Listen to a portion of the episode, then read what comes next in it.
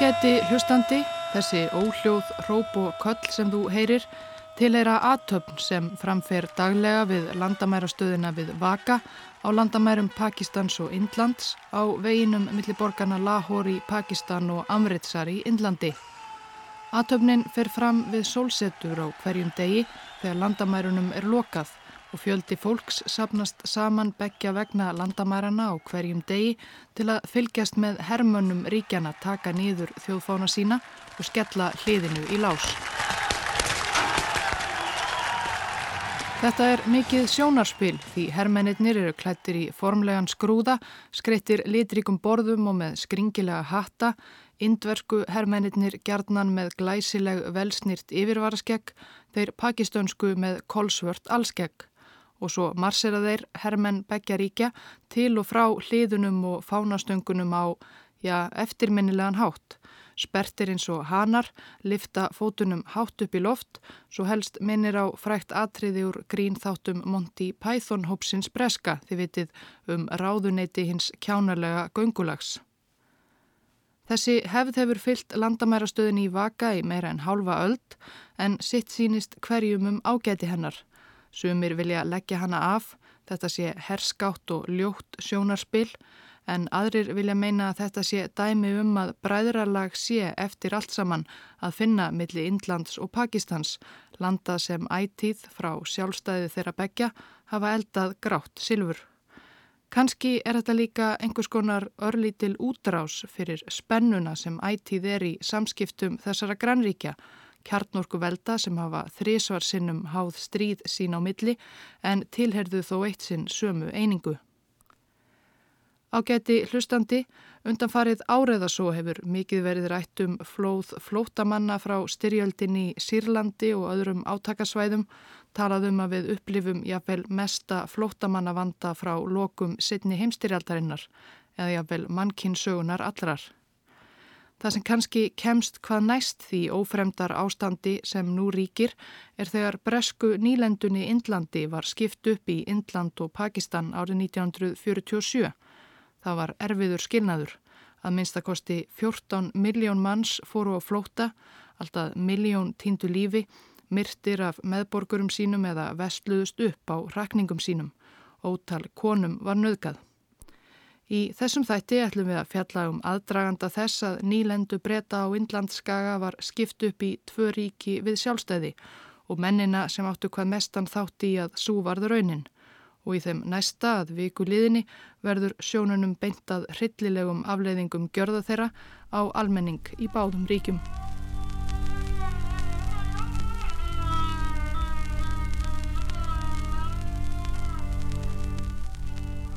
Það var eftir lok setni heimstyrjaldar sem það fór að verða augljóst að Bretland væri að missa tökin á demantinum í krúnu breska heimsveldisins nýlendu sinni á Indlandi. Bretland hafði vissulega verið í sigurliði styrjaldarinnar en sigurinn var dýrkeiftur og eftir stríð stóð stórveldið höllum fæti efnahagslega. Meðal útgjalda sem brettar höfðu í raun ekki lengur efni á var að halda úti gríðarstóri nýlendu sem sífelt varð floknar að stjórna og hafa taumhald á. Sögu indversku sjálfstæðisreifingarinnar má í raun rekja eins langt aftur og sögu breskra yfiráða á Indlandi, allt aftur til miðrar átjóndu aldar þegar breska austur Indiafélagið sölsaði undir sig Indlandskagan. Auðvitað voru ekki allir íbúar skagans á eitt sáttir við þær vendingar og börðust gegn málaliðum Indiafélagsins án mikils árangurs. Gegnum tíðina hefur mörgum þóttansi furðulegt hvernig tiltölulega fámennu herliði Indiafélagsins og síðar bresku stjórnarinnar tókst að undiroka þjóðir Indlandskaga sem töldu hundruð miljóna og áttu langa og merkilega menningu en ekki er tóm til að segja þá sögu hér. Það dugar að taka fram að skriður komst á sjálfstæðisreifingu Indverja undir lok 19. aldar þegar Indland var orðið formlega hluti breska heimsveldisins og milliliðurinn austur Indiafélagið úr sögunni. Indverska þjóðarráðið Indian National Congress var stopnað 1885. Fyrstum sinn aðalega til að berjast fyrir auknum hlut mentaðra Indverja sem var sívaksandi hópur í stjórnmálum landsins og þjóðfélagsumræðum en þegar bresk nýlendu yfirvöld tóku styrt í afhul hófsumustu kröfur þjóðaráðsins urðu liðsmenn þess smátt og smátt rótækari. Fóru að krefjast meira en bara umbóta og umræðu, vildu sjálfstætt Indland. There is an indefinable, mysterious power that pervades everything. Lómaðurinn Mohandas Gandhi, kallaður Mahatma eða hinn mikla sál, snýri aftur heim til Indlands eftir tveggja áratúa dvöl í Suður Afríku árið 1915. Í Suður Afríku aði þessi ötuli baróttumadur barist fyrir réttindum indverskra innflytjanda í landinu og eftir heimkomuna gekk hann til liðs við þjóðaráðið og byrjaði að láta til sín taka. Seks árum síðar var hann orðin leðtói ráðsins og átti næstu ár og áratögi eftir að leiða sjálfstæðisþreyfingar indverja með boðskap sínum um friðsamlega baráttu og borgarlega óhlýðni í stað óerða eða vopnaskaks. But it is possible to reason out the existence of God to a limited extent. Breska Indland spannaði fyrir setni heimstyrjöld næri 5 miljón ferkilometra frá Balúkistan í vestri til Evri Burma í austri, allan Indlandsskagan og að rótum Himalæja fjallgarðsins í norðri. Í þessu gríðarlega víðfema ríki byggum meira en 300 miljónir manna sem töluðu fjölda tungumála og aðhildust fjölda trúarbræða. Af trúarhópum voru hindúar lang fjölmennastir en þar á eftir komu múslimar. Þeir voru um fjórðungur þjóðarinnar og Íslam átti langa og ríka sögu á Indlandskaga. Gandhi hafði ættíð lagt áherslu á að sjálfstæðisbaráttan væri óháð stjett tungumáli og trú og sjálfstætt Indland er því jafn fjölmenningalegt og hinn breska nýlenda. Um þetta voru ekki allir samála eins og átti eftir að koma bersýnilega ljós þegar leið á 20. giving the final decision of His Majesty's government as to the method by which power will be transferred from British to Indian hands. 4. júni 1947. Síðasti landstjóri bretta á Indlandi, Louis Mountbatten, talar í indverska ríkisútvarpið. Mountbatten, gerðnan kallaður Lord Mountbatten, enda bara hann aðalstitilinn Jarl af Burma, hafi verið skipaður af þáverandi forsættis á þeirra bretta Clement Attlee í landstjórastöðuna um þremur mánuðum fyrr. Megin verkefni hans sem landstjóri var aðeins eitt, að hafa umsjón með brottför breyta frá Indlandi og stopnun sjálfstæðs Indlands eigi síðar en 1948. Breytar hafðu gefist upp á að reyna að halda í demantinn í heimsveldis krúnunni. Þeir vildu burt og það eins fljótt og hægt væri. Eindregin vilji breskra stjórnvalda og þeirra manna í landstjórahöllinni í Nýju Deli var alltaf að sjálfstætt Indland yrði eitt ríki sem myndi tegja sig yfir allt þetta mikla landsvæði sem breska nýlendan Indland gerði og innihalda allar þær þjóðir og trúarhópa sem þar var að finna. En þegar Lord Mountbatten tók til starfa fór hann fljótt að rekast á veggi. Since my arrival in India at the end of March I have spent almost every day in consultation with as many of the leaders and representatives of as many communities and interests as possible. Síðan ég kom til Indlands í lok mars hef ég varið næri hverjum einasta degi í að ráðfæra mig við eins marga leðtoga og fulltrúa, eins margra þjóðfélags og hagsmuna hópa og mögulegt er. Í meira en hundrað ár hafa þessar fjögur hundruð miljónir búið í sátt og samlindi og landinu hefur verið stjórnað sem einni einingu. Það var mín eindregna ósk að ágreiningur myndi ekki eiðilegja þetta. En það sem Mountbatten svo vonsvikinn tilkynnti indversku þjóðinni í útvars ávarpi sínu var að tilraunir hans til að halda Indlandi saminuðu höfðu mistekist. Samkvæmt samkómulagi sem undirrittað hafi verið af honum og helstu fulltrúum indverskra sjálfstæði sinna daginn áður og er kent við undirrittunar daginn 3. júni var Indland vissulega á leið til sjálfstæðis. Það var meiri segja búið að negla niður daginn 15. ágúst 1947 sem sagt eftir rúmar 6 vikur.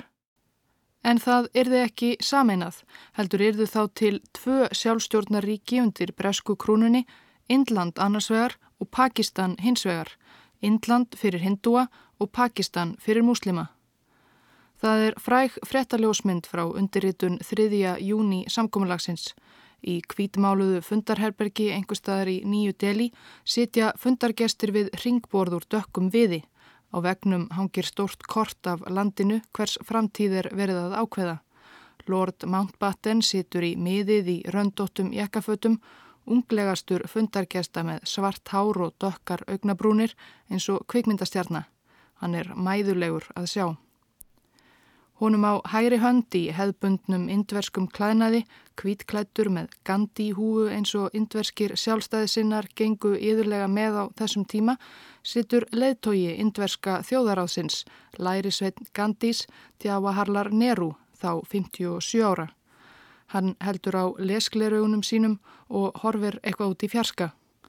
Þegar sjálfstæðið kemur, sex vikum eftir að þessi ljósmynd var tekin, verður hann forsætisráð þeirra, fyrsti forsætisráð þeirra sjálfstæðis Indlands. Og jarlinum á vinstri hönd situr annar eldri maður sem á líka eftir að verða leittói ríkis. Hann er nokkuð eldri en Neru, sjötugur, hóraður og kynfiskasógin sömurleiðis kvítklættur en að vestrænum sið í jakkafötum með grásprengt hárið greitt vandlega aftur. Hann horfir á myndavélina, augnar á þeir kvast, næstum stingandi. Þetta er Muhammed Ali Jinnah, leðtogi muslimabandalagsins og þarna með undirritun 3. júni samkómulagsins hafði hann með þrautsegju og þjósku náð fram helstu stefnumálum sínum sem hann og bandalag hans höfðu barist fyrir árum saman. Hann var óneitanlega sigurvegarinn.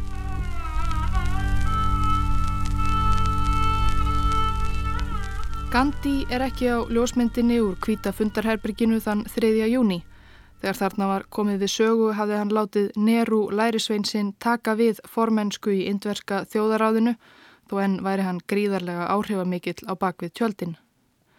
Þessir þrýr menn áttu margt sameinlegt Gandhi, Neru og Jinnah Allir þrýr voru lögfræðingar, mentaðir að minnstakosti að hluta til í Breitlandi og sérilagi á þá Neru og Djenna hafði bresk menning haft mikil áhrif.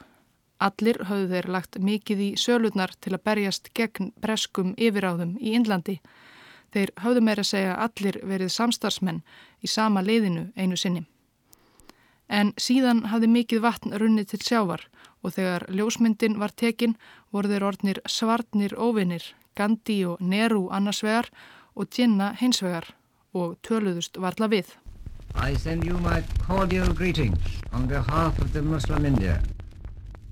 Muhammad Ali Jinnah sem við heyrim hér tala fættist á jóladag 1876 í Karachi, hafnarborg við strönd Arabíuhafs þar sem byggu múslimar, hinduar, gýðingar og kristnir og allt þar á milli. Sjálfur var Jinnah muslimi. Fadir hans var kaupsíslumadur í ágætum efnum. Hann var nýlega fluttur til Karachi þegar honum fættist sonur. Sjú árum áður hafði Suez-skurðurinn verið opnaður og það var blúsandi uppgangur í verslunar og flutningabransanum í Karachi. Muhammed Ali Jinnah var alvörgefin piltur og stundaði námið af krafti fyrst í Karachi og síðar í Bombay. 16 ára varðan sér út um lærlingstöðu við brest innflutningsfyrirtæki og fluttist til Lunduna. Það var stort tækifæri fyrir indverskan miðstjættarpilt en hugur hins unga Jinnah var aldrei í kaupsíslu Hann sagði fljótlega upp lærlingstöðunni og fór að lesa lögfræði. Á námsárunum í Lundunum heitlaðist Jinna af vestrætni stjórnspeki, hugssjónum um þjóðríki og líðræði. Hann hreifst líka af vestrætni menningu og tísku og eftir námsárin leta hann aldrei sjá sig nema óaðfinnanlega til fara að vestrænum sið í stífpressuðum jakkafötum og með silkibindi. Árið 1895 var Jinnah þá 19 ára yngsti indvergin sem öðlaðist lögmannsréttindi á Englandi. Eftir það fór hann heim til gamla landsins og kom sér fyrir sem lögmaður í Bombay. Hann var þá eini muslimski lögmaðurinn í allri borginni en gæt sér fljótt gott orð fyrir eldmóð og lögspeki. Honum var líka umhugað um sjálfstæðisbaráttuna og gekk fljótlega eftir heimkominu frá Englandi til liðsvið indverska þjóðaráðið. Þjóðaráðið var þá sem fyrr segir að mestu skipað hindúum en þar var líka hópur muslima, mestmægnis mentamenn eins og Muhammed Ali Jinnah. Jinnah tilherði þá hófsamari armi þjóðaráðsins og vildi meðal annars fyrir allamuni tryggja samstöðu hindúa og múslima. Jáfnvel þó að hindúar væru svo miklu fleiri en múslimar og erðu því algjöri valdastöðu í sjálfstæðu Indlandi. Það eina sem Tjena vildi var að leðtogar hindúa fullvissuðu múslima um að réttindi þeirra erðu tryggð í hennu nýja ríki. Allra síst vildi Tjena blanda saman pólitík og trúmálum en það var hann sjálfur ekki trúheitur muslimi. Hann fór sjaldan ef nokkuð tíman í Mosku, var slett rakaður við jakkaföttin og silkibindin, drakk viski eins og hann listi, borðaði skinkusamlokur og gifti sig konu af annari trú. Nei, Tjena var veraldarhyggjumadur og fannst það jafnvel ótækt hvernig kollegi hans í þjóðaráðinu, sjálfur Gandhi, hafði farið að blanda trú sinni og andlegum áherslum við sjálfstæðisbaratuna, kallaði það glæp sem einungis myndi ebla trúarófstækismenn á báðum hliðum. Þegar sjálfstæðisinnaðir múslimar stopnuðu múslima bandalægið til að berjast fyrir sínum réttindum brást djinna ókvæða við að verið væri að reyna að kljúfa samstöðu sjálfstæðisinna. Við þá trúbræður sína sem óttuðust yfirráð hindúa sagði hann Ég segi við ykkur, vini mína múslimana, hræðist ekki. Þetta er gríla sem óvinnir ykkar hafa magnað upp til að vekja með ykkur óta, hræð ykkur frá samvinnu og samstöðu sem eru forsendur fyrir sjálfstjórn. Þessu landi þarf ekki að vera stjórnað af hindúum og leiði mér að fullir það að því þarf heldur ekki að vera stjórnað af múslimum og svo sannarlega ekki af brettum. Því á að vera stjórnað af fólkinu og svonum þessa lands. Á endanum, rétt fyrir fyrri heimsturjöld, átti Jinnah þó eftir að ganga sjálfur í muslimabandalæð. En það gerði hann ekki síst til þess að stuðlað samvinnu millir þess og indverska þjóðaráðsins sem hann helt áfram að tilheyra einnig. Árið 1917 var Jinnah fremstur í flokki þeirra sem gerðu samstarfsamning kentan við borgina Lökná milli baráttu samtakana tvekja um að vinna saman gegn breskum yfiráðum. En þetta átti allt eftir að breytast.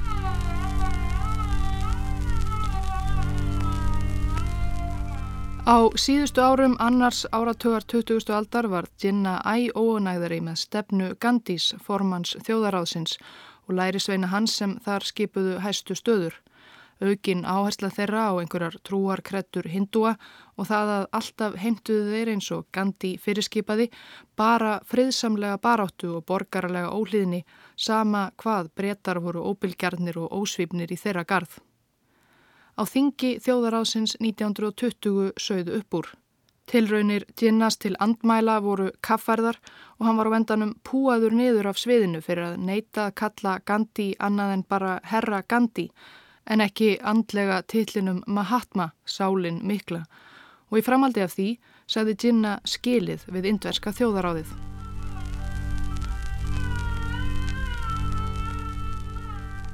Eftir því sem leið á þriðja og fjórða áratögin varð andúð, gandís og nerús í garð djinna aðeins meiri og meiri og öfugt. Ekki leið á laungu þar til þeir gáttu varla verið saman í herbergi eða fundarsal án þess að stemmingin þar yrði að allra minsta kosti mjög styrð. Og jáfnfram því að djinna misti trúna og fyrverandi félaga sína í indverska þjóðaráðinu fór hann að hlusta á málflutning þeirra trúbræðra sinna múslima sem mælti fyrir því að indverskir múslimar fengju sitt eigið sjálfstæða ríki í héröðunum þar sem þeir voru fjölmennastir í norð, vestur og norð-austur hluta þess sem þá var Breska Indland. Ríkið óstofnaða fekk meira segja nafn, hugarsmíð indversks námsmanns við Cambridge sem í bæklingi árið 1933 kvatti 20 miljónir múslima Indlands til að sameinast undir merkjum Pakistans Nafnið vísaði í fimm norðanverð hérðu Indland sem áttu að mynda nýtt ríki muslima, P fyrir Punjab, A fyrir Afganhérað, K fyrir Kasmír, S fyrir Sind og Tan eins og í Balúkistan.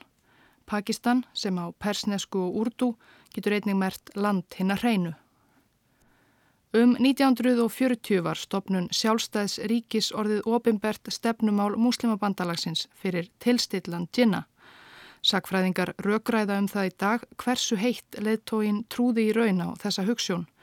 Því hefur verið haldið fram að Jinnah hafi lengi vel aðalega fleikt fram hugmyndinni um sjálfstætt Pakistan sem margir stuttu vissulega en hann hafði þarna ekki gert fyrir en frekar nýlega. sem tæki í samningavirðaðum sínum við breyta og hindúa í vonum að fá að minnstakosti vilirði um að réttindi muslima erðu tryggði í nýju sjálfstæðu Índlandi. En svo hafi allt farið úr böndunum. Skriðþungi hugmyndarinnar um sjálfstætt Pakistan var orðin svo mikill að á endanum varð ekki aftur snúið. Far out in the hills of India, native carriers and their pack elephants are helping American forces in the tremendous task of bringing food, munitions and medicine to distant army outposts. Indland slapp ekki við setni heimstyrjöldina frekar en flest önnur horn heimsins. Breska Indland lísti yfir stríði gegn Þýskalandi nazismans 3. september 1939 örfáum klukkustundum eftir að herraþjóðin Breitland gerði slíktið sama. Að minnstakosti 2,5 miljón indverskra hermanna börðust sjálfviljugir í styrjöldinni í Evrópu, í Norður og Austur Afríku, í Suður og Austur Asíu og áttu ómetanlega mikilvægan þátt í stríðsregstri breyta, börðust af óviðjafnanlegu hugrekki eins og sjálfur Winston Churchill viðurkendi einhverju sinni, þó aldrei hafi hann haft sérlega mikið álit á Indlandi eða Indverjum. Indian Army soldiers are deadly with a machine gun. They're keen to handle it and they act with great precision. En styrjöldin klauf indversku sjálfstæðisreifinguna en frekar. Gandhi og indverska þjóðaráðið voru ósáttir við að breytar hefðu allt Indlandi út í stríð án þess að bera það undir indversku þjóðina eða leðtóa hennar. Ekki skánaði það þegar bresk nýlendu yfirvöld lístu því yfir að öllum viðræðum um mögulegt sjálfstæði Indlands væri frestað þar til í stríðslokk. Þjóðaráðið var rasandi og krafðist sjálfstæðis tafarlaust. Síðari tilraunir breyta til að fá þjóðaráðið til að styðja stríðsregsturinn því ekki vildu breyta reyga á hættu að missa þetta dýrmæta flæði liðsabla frá Índlandi. Þær tilraunir voru árangoslausar og 1942 hratt Gandhi af stað því sem kallað var Quit India eða út úr Índlandi reyfingin, herrferð borgarlegar ólíðinni og mótmæla til að losna við breska nýlendu herrana í eitt skipti fyrir öll.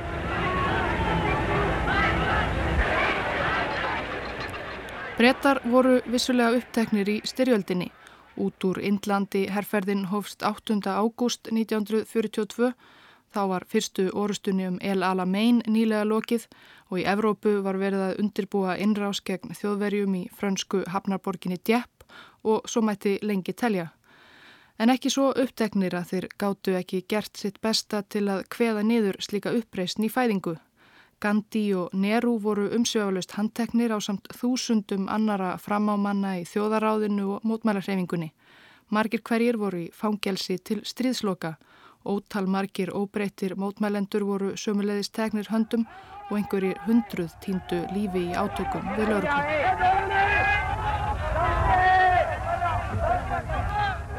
Mitt í þessari upplaust sá Muhammad Ali Jinnah sér leika á borði. Hann var þá orðin leðtogi múslimabandalagsins og það fylgti sér nú bak bretum og stríðsregstri þeirra. Dýrna gaggrindi mótmælarhefingu Gandhis og félaga harðlega og kvatti indverska múslima til að skrá sig í breska herin sem þeir gerðu í stórum stíl. Auðvitað var vonin súað velvildin og stuðningurinn myndi síðar verða til þess að breytar stittu hagsmunni indverskra múslima gegn yfiráðum hindúa. En þar sem þeir dúsuðu í fangelsum hans hátegnar hugsuðu leðtogar þjóðaráðsins dýrna þegjandi þörfina. Og þegar út var komið í stríðslokk var stjórnmála umhverfið í Indlandi gjör breytt. Indverska þjóðaráðið hafði vext til muna en muslimabandalagið styrt stöðu sína. Þá lágu leðtogar þjóðaráðsins heldur ekki á skoðunum sínum um forman muslimabandalagsins. Gjörsamlega ósiðmentaður, sagði Nerúum Dina brjálæðingur og siðlaus snillingur, saði Gandhi.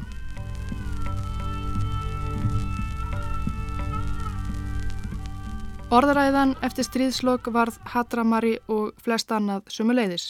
Átöka á götumúti, rifrildi, stimpingar og skærur millir hindu og múslima fóru að verða allt algengari sjón í indverskum borgum. Tveir þjóðfélagshópar sem höfðu búið mest megnis í sátt og samlendi um áratöyu og aldir voru allt í einu að verða að verstu óvinnum. Þjóðverðnis sinnaðir pólitíkusar mögnuðu upp spennu og andúð millir granna, auðvitað helst til að skara eldað eigin köku. Fólk flúði erjurnar eða var rekið á brott úr blönduðum hverfum og bæjum. Það varð að í ljósara missirinn eftir stríðslokk að það yrði ekki aftur snúið. Bæði fór sambúð indverskra hindúa og múslima síversnandi og svo vildu breytar loksins burt úr Indlandi eins fljótt og hægt væri.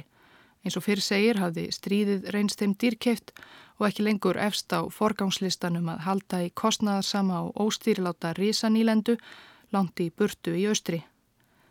En hið djúpa ósætti milli helstu fulltrúa indversku þjóðarinnar á stjórnmálasviðinu gerði brettum ekki auðvelt fyrir þegar koma því að vila og díla um fyrirhugað sjálfstæði Indlands.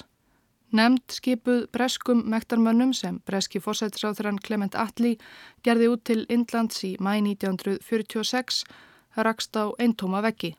Fyrstu áform hennar um að Indland yrði sambandsríki nokkur að hér aða með talsverða sjálfstjórn fjall ekki í kramið korki hjá þjóðaráðinu nýja muslimabandalænu. Næstu uppástungu bretana að skipta Indlandi upp í tvö ríki hindu og muslima fjall í kramið hjá þeim síðarnemdu en þjóðaráðið sló hann út á borðinu. Jinnah rettist við, hann skildi fá sínu framgengt sama hvað hinduarnir settu sig upp á móti því Pakistan skildi rýsa. Hann lísti því yfir með nokkrum fyrirvara að 16. ágúst 1946 skildi verða dagur aðgerða með allserjar verkvalli og fjöldamótmælum skildu múslimar knýja hindúa bæði og breyta á knýja. Eftirvæntingin eftir degi aðgerðana var hverki meira en í Kalkúta borg í Bengal Bengal í austri var eitt þeirra indversku héræða líkt og Punjab í vestri sem síndu vel hversu ólýsanlega erfitt það eitt eftir að verða að skipta þessu fjölbreyta landi millir tvekja trúarhópa, hindúa og muslima. Íbúar Bengals voru um þessar myndir meira en 60 miljón talsins, þar að voru 53% muslimar og tæp 42% hindúar. Skiptingin var svipuð í héræðshöfuborginni Kalkúta. Múslimabandalagið var við völd í Bengal og forsætisráð þeirra hér aðsins, harðlínumadurinn Hussein Shahid Shuhavardi, tók virkan þátt í því að magna upp stemmingu fyrir aðgerðadaginn mikla.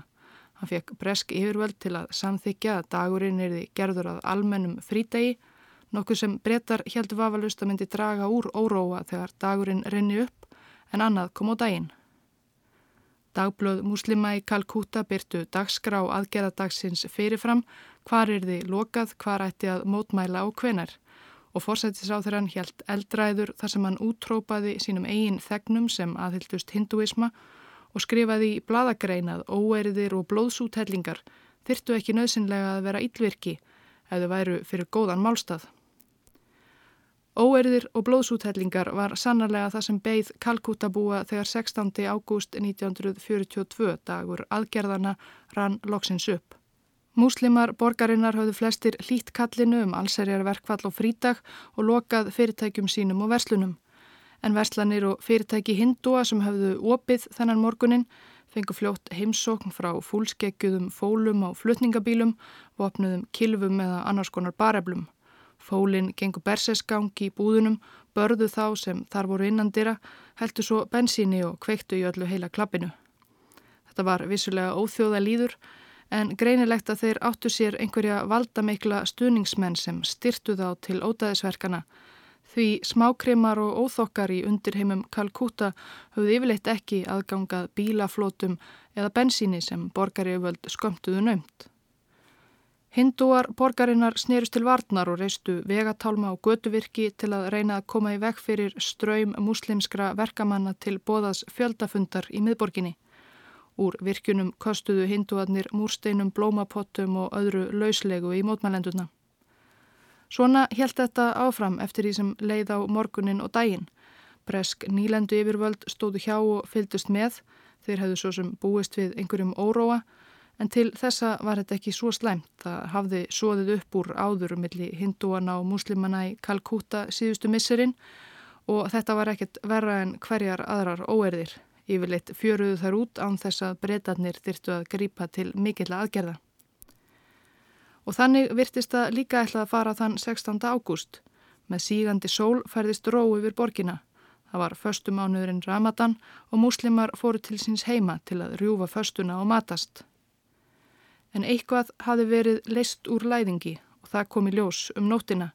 Út úr myrkrinu spruttu skindilega hópar manna með kindla í annari hendi og sveðjur og nýfa í hinni og af vagðarlausri grimd og skilvirkni gengu þeir hús úr húsi, kofa úr kofa í fátækra kvefum Kalkúta og slátruðu þeim sem tilherðu hinum.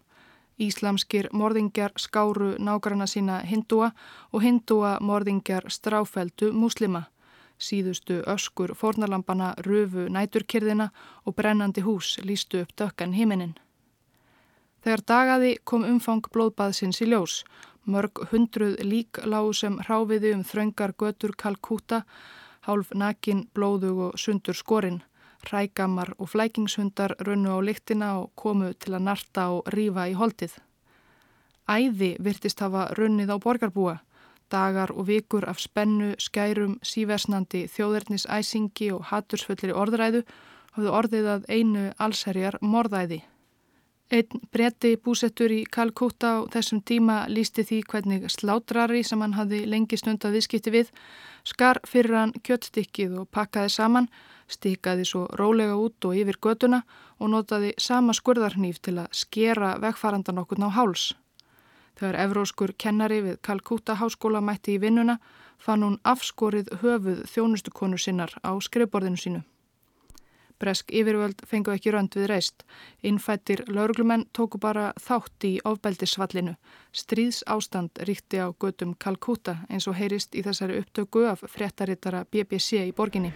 This is Richard Sharp calling Radio Newsreel from a street corner in Calcutta where there's a fight going on.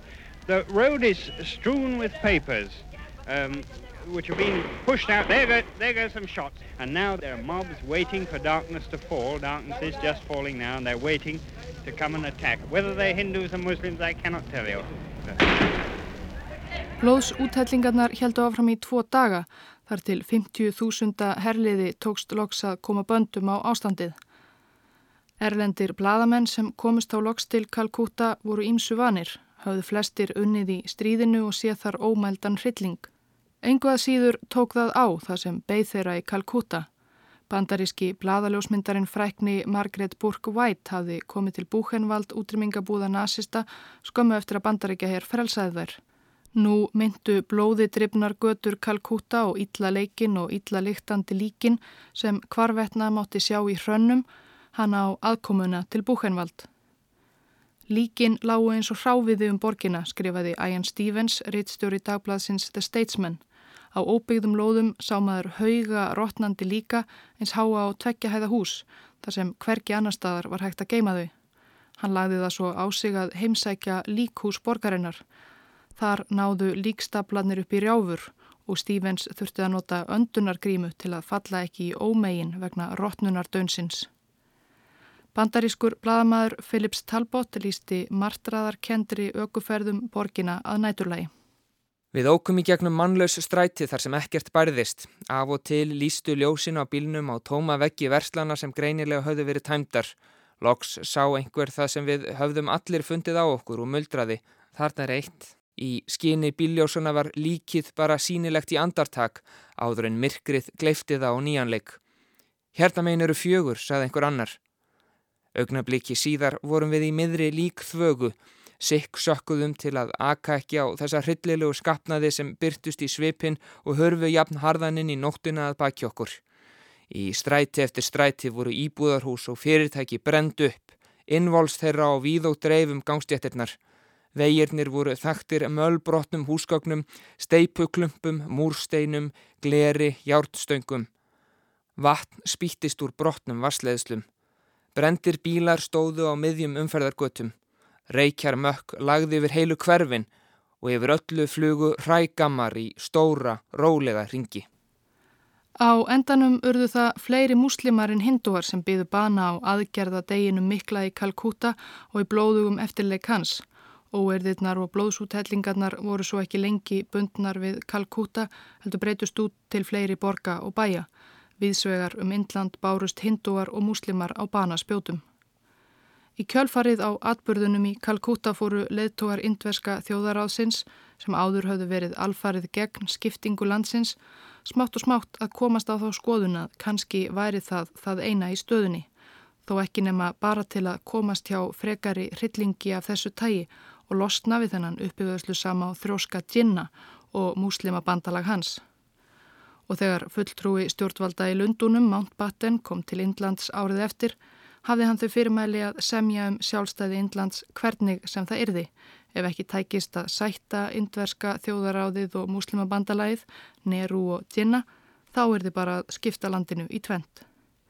Enda var það raunin, fundir Mountbattens og leðtúa muslima gengu herfilega frá byrjun, Djinna kvikaði hverki, Mountbatten var þess fljótt fullvis að það væri ómögulegt að eiga í samningaviðræðin við mannin og kallaði hann síðblindan.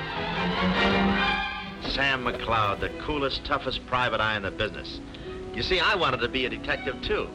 It only took brains, courage and a gun, and I had the gun. Að kvöldi þess 14. ágúst 1947 kom Mountbatten lávarður sér vel fyrir í ríkistjórahöllinni í Nýju Delhi með konu sinni til að horfa á kvikmynd. My Favorite Brunette, nýleg gamanmynd með Bob Hope.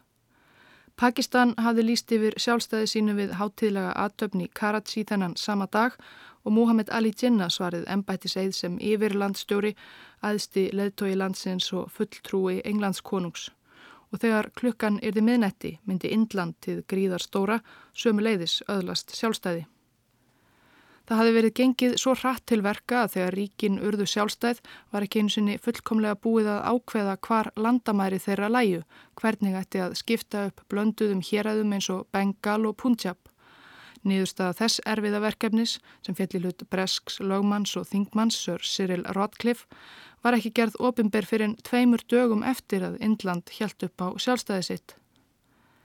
En krókótt lína á korti var ekki nóg til að koma í veg fyrir að þegar voru miljónir hindúa og múslima á faraldsfæti á leiðinni til sinna nýju heimalanda, sumir af eigin vilja, aðrir til neittir, reknir burt.